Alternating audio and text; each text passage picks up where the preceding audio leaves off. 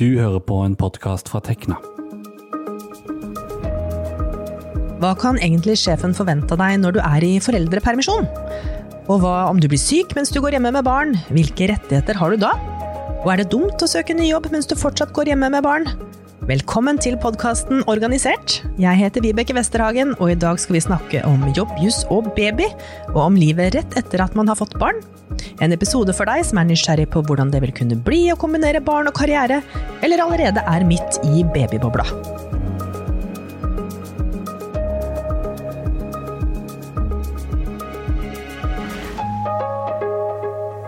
Dette er den andre av tre episoder der vi skal snakke om jobb og barn, og i dag skal vi ta for oss tida rett etter at barnet er født. Og med meg i studio her i dag har jeg deg, Anette Moldrem, juridisk rådgiver i Tekna. Hei, hei. Anette, hva kan en arbeidsgiver forvente av deg av tilgjengelighet, oppgaver og tilstedeværelse mens du er i foreldrepermisjon? Ja, altså det her er jo en, en, lovbestemt permisjon som du har rett til, så jeg tenker i utgangspunktet så kan ikke arbeidsgiver forvente eh, noen ting av det. Eh, men jeg tenker jo det er lurt å ikke la arbeidsgiver glemme det mens du er ute. Kom gjerne innom en tur. Og Mette Katrine Meinert, du er eh, rådgiver i Tekna og har jobba masse med å veilede fagpersoner innen naturvitenskap og teknologi med jobbsøking og karrierespørsmål. Jeg lurer også på for deg, altså hvor til stede mener du man bør være for arbeidsgiver, eller sagt på en annen måte, hvor frakobla er det lurt å være? Nå sier Anette at det er lurt å komme innom en tur. Ja, jeg, jeg støtter Anette helt der. Det bør ikke være noen forventninger fra leder eh, på at du skal være tilgjengelig. Eh, hvis det derimot er saker som du ønsker å følge med på, eh, så bør du informere din leder om det på forhånd. Men jeg vil likevel fraråde at man forplikter seg til noe. Fordi at du aner jo ingenting om hvordan situasjonen vil bli etter at du har fått barn. En helt annen sak tenker jeg det er at man, som Anette også sa, kommer og hilser på kolleger, kanskje tar med barnet på visning, og at man følger litt med på hva som skjer rundt virksomheten man jobber i. Gjerne følge med på intranett, eh, hvis det er mediesaker, sånn at du ikke er helt, helt uh, koblet av. Men igjen, aller viktigst, dette er en spesiell tid i livet. Eh, nyt den for all del, og ikke ha dårlig samvittighet. Det er helt innafor å være helt avkobla på jobb. Helt, helt enig, men en ting som jeg tenker er viktig, er jo at hvis det skjer viktige ting på arbeidsplassen, så har jo arbeidsgiver òg en plikt om å informere deg om det. fordi selv om du er gravid, så har du krav på informasjon f.eks. hvis det skjer store omorganiseringer på jobb. Du skal ikke komme tilbake på en arbeidsplass som er en totalt annen arbeidsplass enn den du gikk ut av. Så um, du kan være frakobla, men arbeidsgiver må ikke glemme det. I forrige episode kunne vi høre om hvordan Borgar syntes det var å ha blitt pappa, og nå skal vi tilbake og høre litt blant annet om hvor mye kontakt han har tenkt å ha med jobben mens han skal være hjemme. Og det er du som har vært på babybesøk, reporter Joakim Nyquist. Hvilke tanker har Borgar om å gå ut i permisjon? Jo, han eh, gleder seg jo selvfølgelig til å tilbringe mer tid sammen med sønnen Amund, som eh, ikke er mer enn et eh, par måneder gammel nå. Men Borgar har faktisk ikke tenkt å være helt frakoblet fra jobb. Kan, jeg spørre deg om hvor mye permisjon du tenker å ta ut? Vi får se hvordan det blir, men vi, jeg, jeg, er jo nødt til å ta 15 uker. Eh, og så er det vel en 15-16 uker vi kan dele. Og da har vi vel kanskje tenkt at jeg tar to av deg vekkene, men uh, vi får se det litt an.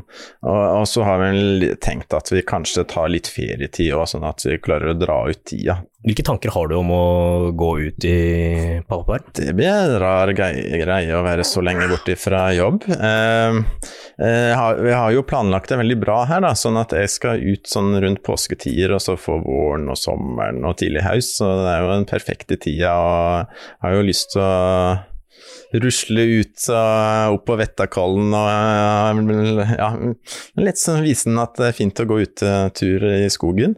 Um, og så blir det, det blir veldig rart å være så lenge borte fra jobb, så jeg får se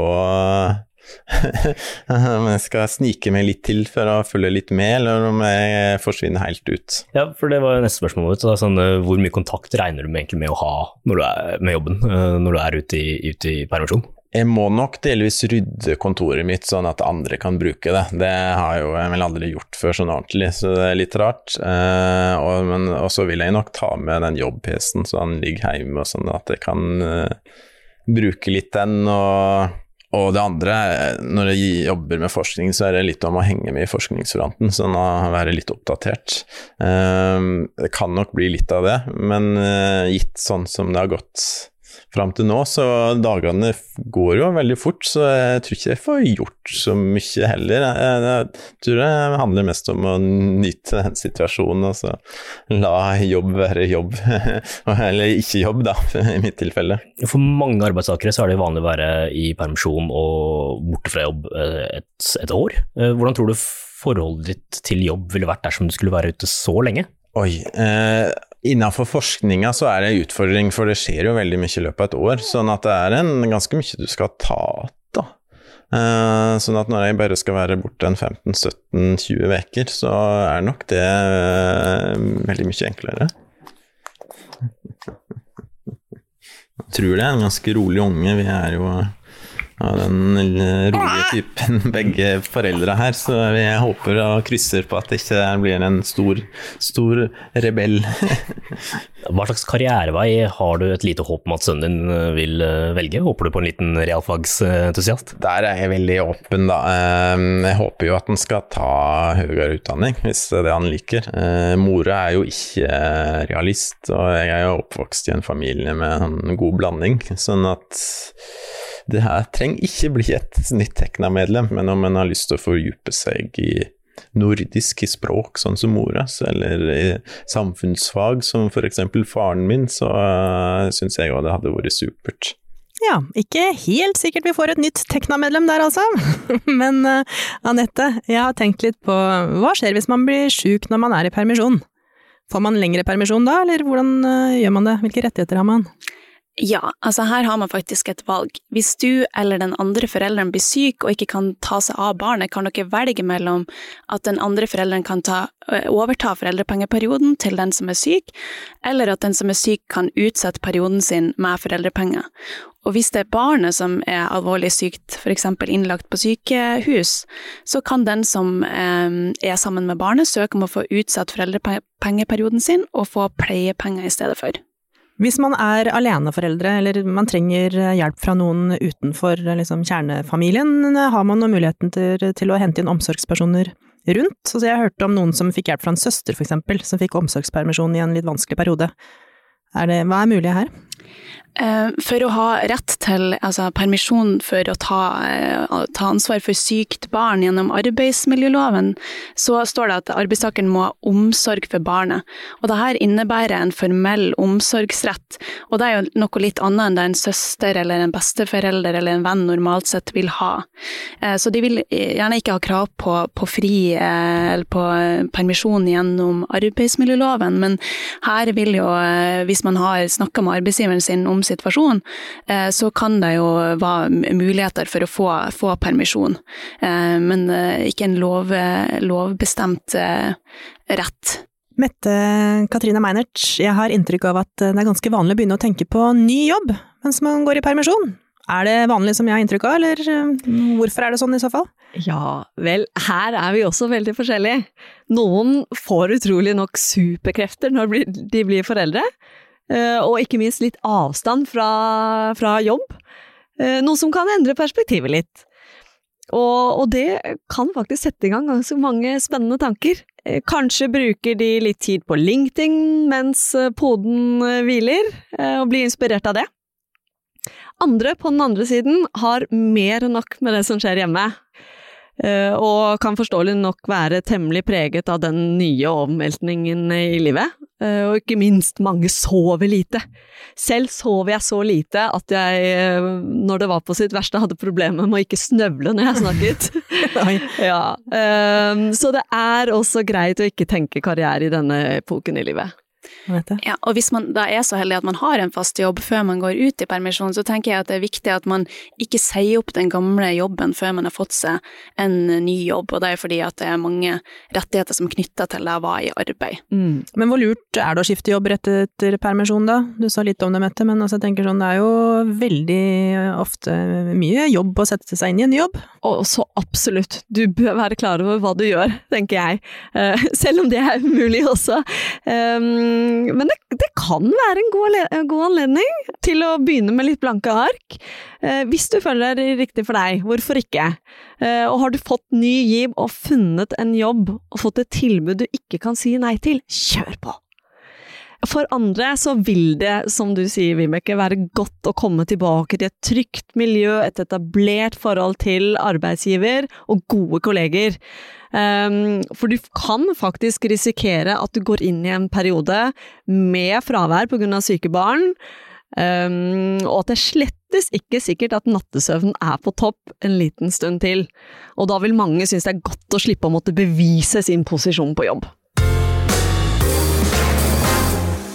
Når man er lenge borte fra jobb, så kan det fort skje at du føler deg ganske distansert fra det som skjer der, og akkurat det har du undersøkt litt, Joakim? Ja, jeg har vært og snakket med vår gode venn, psykolog Jan Martin Berge, om hvor mye kontakt arbeidsgiver eh, bør ha med en ansatt som er i permisjon. Eh, gode ledere, de kjenner sine ansatte. Slik at eh, gode ledere, de vet litt hva den ansatte ønsker når den er ute i permisjon. Når det er sagt, så er det sånn at de fleste ansatte som har det ganske ålreit på jobb, 85% av oss, sier at vi har det bra på jobben. Så mange av oss, også når vi er i permisjon, ønsker å ha en tilknytning til arbeidsplassen. Jeg tenker at eh, arbeidsplassen, arbeidskollegaene, leder, inviter. Inviter dem som er i permisjon inn. Eh, vis at man bryr seg. Har du vaffel en gang i måneden, hvorfor kan ikke den ansatte med babyen komme på besøk? Jeg tror den ansatte setter veldig pris på det. At man blir sett, eh, ikke bare ut fra det man gjør på jobben, men også der man er eh, som menneske. da. Men da er det kanskje viktig å begrense hvor mye du snakker butikk, da, holdt jeg på å si, eh, med, med vedkommende som er i, er i permisjon? Der må man som leder tenker jeg, være litt sånn taktfull. da. Se litt an hvor er den andre personen hvor er hen? For når man er midt i ammetåka og har nesten ikke sovet, og er på fjerde døgnet uten søvn, så er det ikke sikkert at er mor som kommer på jobben med sitt barn, eh, er helt med på butikkforståelsen. Men, men for noen så vil det være veldig ålreit å vite litt hva som foregår. Og det tror jeg for mange føles litt sånn normaliserende. For jeg tror mange kan føle at livet står helt på vent når man har fått barn. Og det å kunne ha litt kontakt med arbeidsplassen da, eh, det kan være veldig motiverende. Fødselsdepresjon er en ganske kjent utfordring som en del kan tenke på når de får barn. Hva bør du gjøre hvis du tror at du, har, eh, hvis du får en fødselsdepresjon? Det som er at Hvis du merker at du merker at følelseslivet ditt eh, er litt mer numment, det at du har litt vanskelig med å kjenne glede, det at du mister energien og initiativet, det at du føler deg mer sånn flat Hvis du i tillegg begynner å trekke deg mye tilbake, og får veldig mye tanker om at du ikke er bra nok som forelder, da. ta kontakt med helsestasjonen og få noen å, å, å snakke med.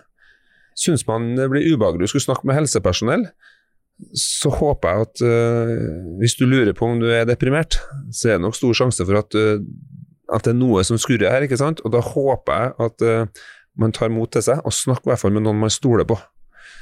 Det er ganske vanlig å slite litt psykisk etter man har fått barn, men det er bra for deg og barnet ditt og dem rundt deg, og søker søke hjelp. Eh, og den hjelpa trenger ikke å være så omfattende. Mange føler kanskje litt på litt sånn brakkesjuke og, og, ensomhet i foreldrepermisjon. Hva, hva, er dine råd til, eh, til disse? Da tror jeg mantraet som følger. Handling betyr mer enn ord. Så du kan sitte og tenke på det mye. Du kan snakke om det mye. Kommer ikke til å gjøre noen endring. Jo mer du snakker om det, jo verre tror jeg det blir. Jeg kommer ikke meg ut, jeg kommer ikke meg ut, jeg kommer ikke meg ut. Min oppfordring da blir at uh, hver dag, kom deg ut av huset. Det vil være antidepressivt. Altså rett og slett hver dag ha en mål om at jeg skal ut av leiligheten min. Jeg og babyen, vi skal ut av, av leiligheten. Det kan være med på å bryte et mønster, og da ser vi at handling det er mye mer effektfullt enn tanker og ord. Det var Jan Martin Berge, det, arbeidspsykolog. Så har man vært hjemme med barn en stund, da. Og så har man forhåpentligvis kost seg masse sammen i permisjonstida og nytt tida fullt, ut. Men så kommer dagen, så skal man sende denne lille bylten eh, av gårde til barnehagen, og det kan komme brått på, både for store og små. Ikke alle føler at man er klar til det, Anette, hvis man står der med barnet og får litt hetta over å skulle sende det som føles ut som eh, hjertet ditt i barnehagen så himla tidlig, og man ser at barnet ikke er modent, kan man forlenge permisjonen på noe vis? Og i så fall, hvilke konsekvenser har det jobbmessig, økonomi? Ja, altså jeg kan jo forstå at det kan føles veldig vanskelig. Um, og du har rett til ulønna permisjon i tolv måneder etter den lønna permisjonen, og den må tas umiddelbart etterpå. Uh, og man vil òg kunne ha krav på kontantstøtte fram til barnet er to år. Uh, men hvis man velger en sånn type løsning, da er det viktig å være klar over konsekvensene uh, det får å gå inn i en ulønna permisjon. Så det her er jo veldig viktig at man sjekker opp. Det mest åpenbare er jo at man ikke får lønn. Eh, og så man må jo finne ut av om det er tillater, tillater økonomien vår eh, det her. Eh, og så vil det òg få konsekvenser for andre typer rettigheter, f.eks. det her med sykepenger. De mister man ganske fort hvis man går inn i en ulønna permisjon. Eh, og hva er en sånn her permisjon, i alle fall over lang tid, vil jo òg normalt sett gå utover lønnsutviklinga di over tid. I tillegg så må du jo sjekke med arbeidsgiver om hva som skjer med eh, pensjonen din og forsikringene dine som du har gjennom arbeidsgiver før du går ut. La oss si at du f.eks. har ei eh, uføre- eller uførepensjonsforsikring gjennom arbeidsgiver, og du blir meldt ut av denne ordninga fordi du går ut i ulønna permisjon. Hva hvis du da blir ufør? Da vil jo det få enorme konsekvenser for deg, så det her er typisk sånne ting som man må ta, ta en, en, ekstra sjekk på og finne ut av hva, hva har man av, eh, av forsikringer. Eh, man sikre, hvordan skal man sikre seg. Og hvis det er sånn at, av, at man finner ut av at eh, enten far eller, eller mor skal være hjemme i ulønna permisjon, så må man jo òg se på eh, hvordan påvirker det her pensjonen og økonomien til den personen over lengre tid, og finne ut av hvordan den som er hjemme skal kompenseres for det. Eh, og det her vet sikkert Mette litt mer om, hvilken eh, betydning det karrieremessig kan ha eh, å være altfor lenge borte fra arbeidsplassen. Men før Mette får ordet, så vil jeg òg bare si at at det finnes jo andre muligheter. Man kan jo se på er det mulig å ta delvis, delvis permisjon, eller redusere stillinga si en periode for å fremdeles ha den tilknytninga til, til, arbeidsplassen. Mm. Mette, har du noe, noe, å legge til der om det å være såpass lenge borte, da? Ja, altså ett år uh, er jo normalt, og det er jo arbeidsgiver forberedt og vant til. Um, men er du borte lenger, så må du også være forberedt på at da kan det være en del oppgaver du går glipp av. Mister, rett og slett. Ja, rett og slett. Ja. Du, og du mister litt tråden, og, og det å holde seg um, oppdatert kan være mer krevende. Uh, er du forsker, så sier det seg selv. Du, du mister uh, kontinuitet der. Holder du på i et IT-prosjekt, så, så, mister du mye der. Så, så um, man bør tenke seg litt om på forhånd.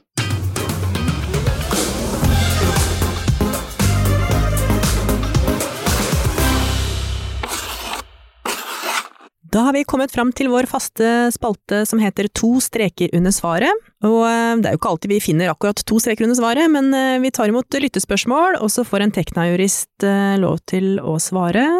Dagens lyttespørsmål er Hei, jeg reiser en del i jobben min, og jeg lurer på om jeg kan definere reisetiden som arbeidstid, for det er iallfall ikke fritid.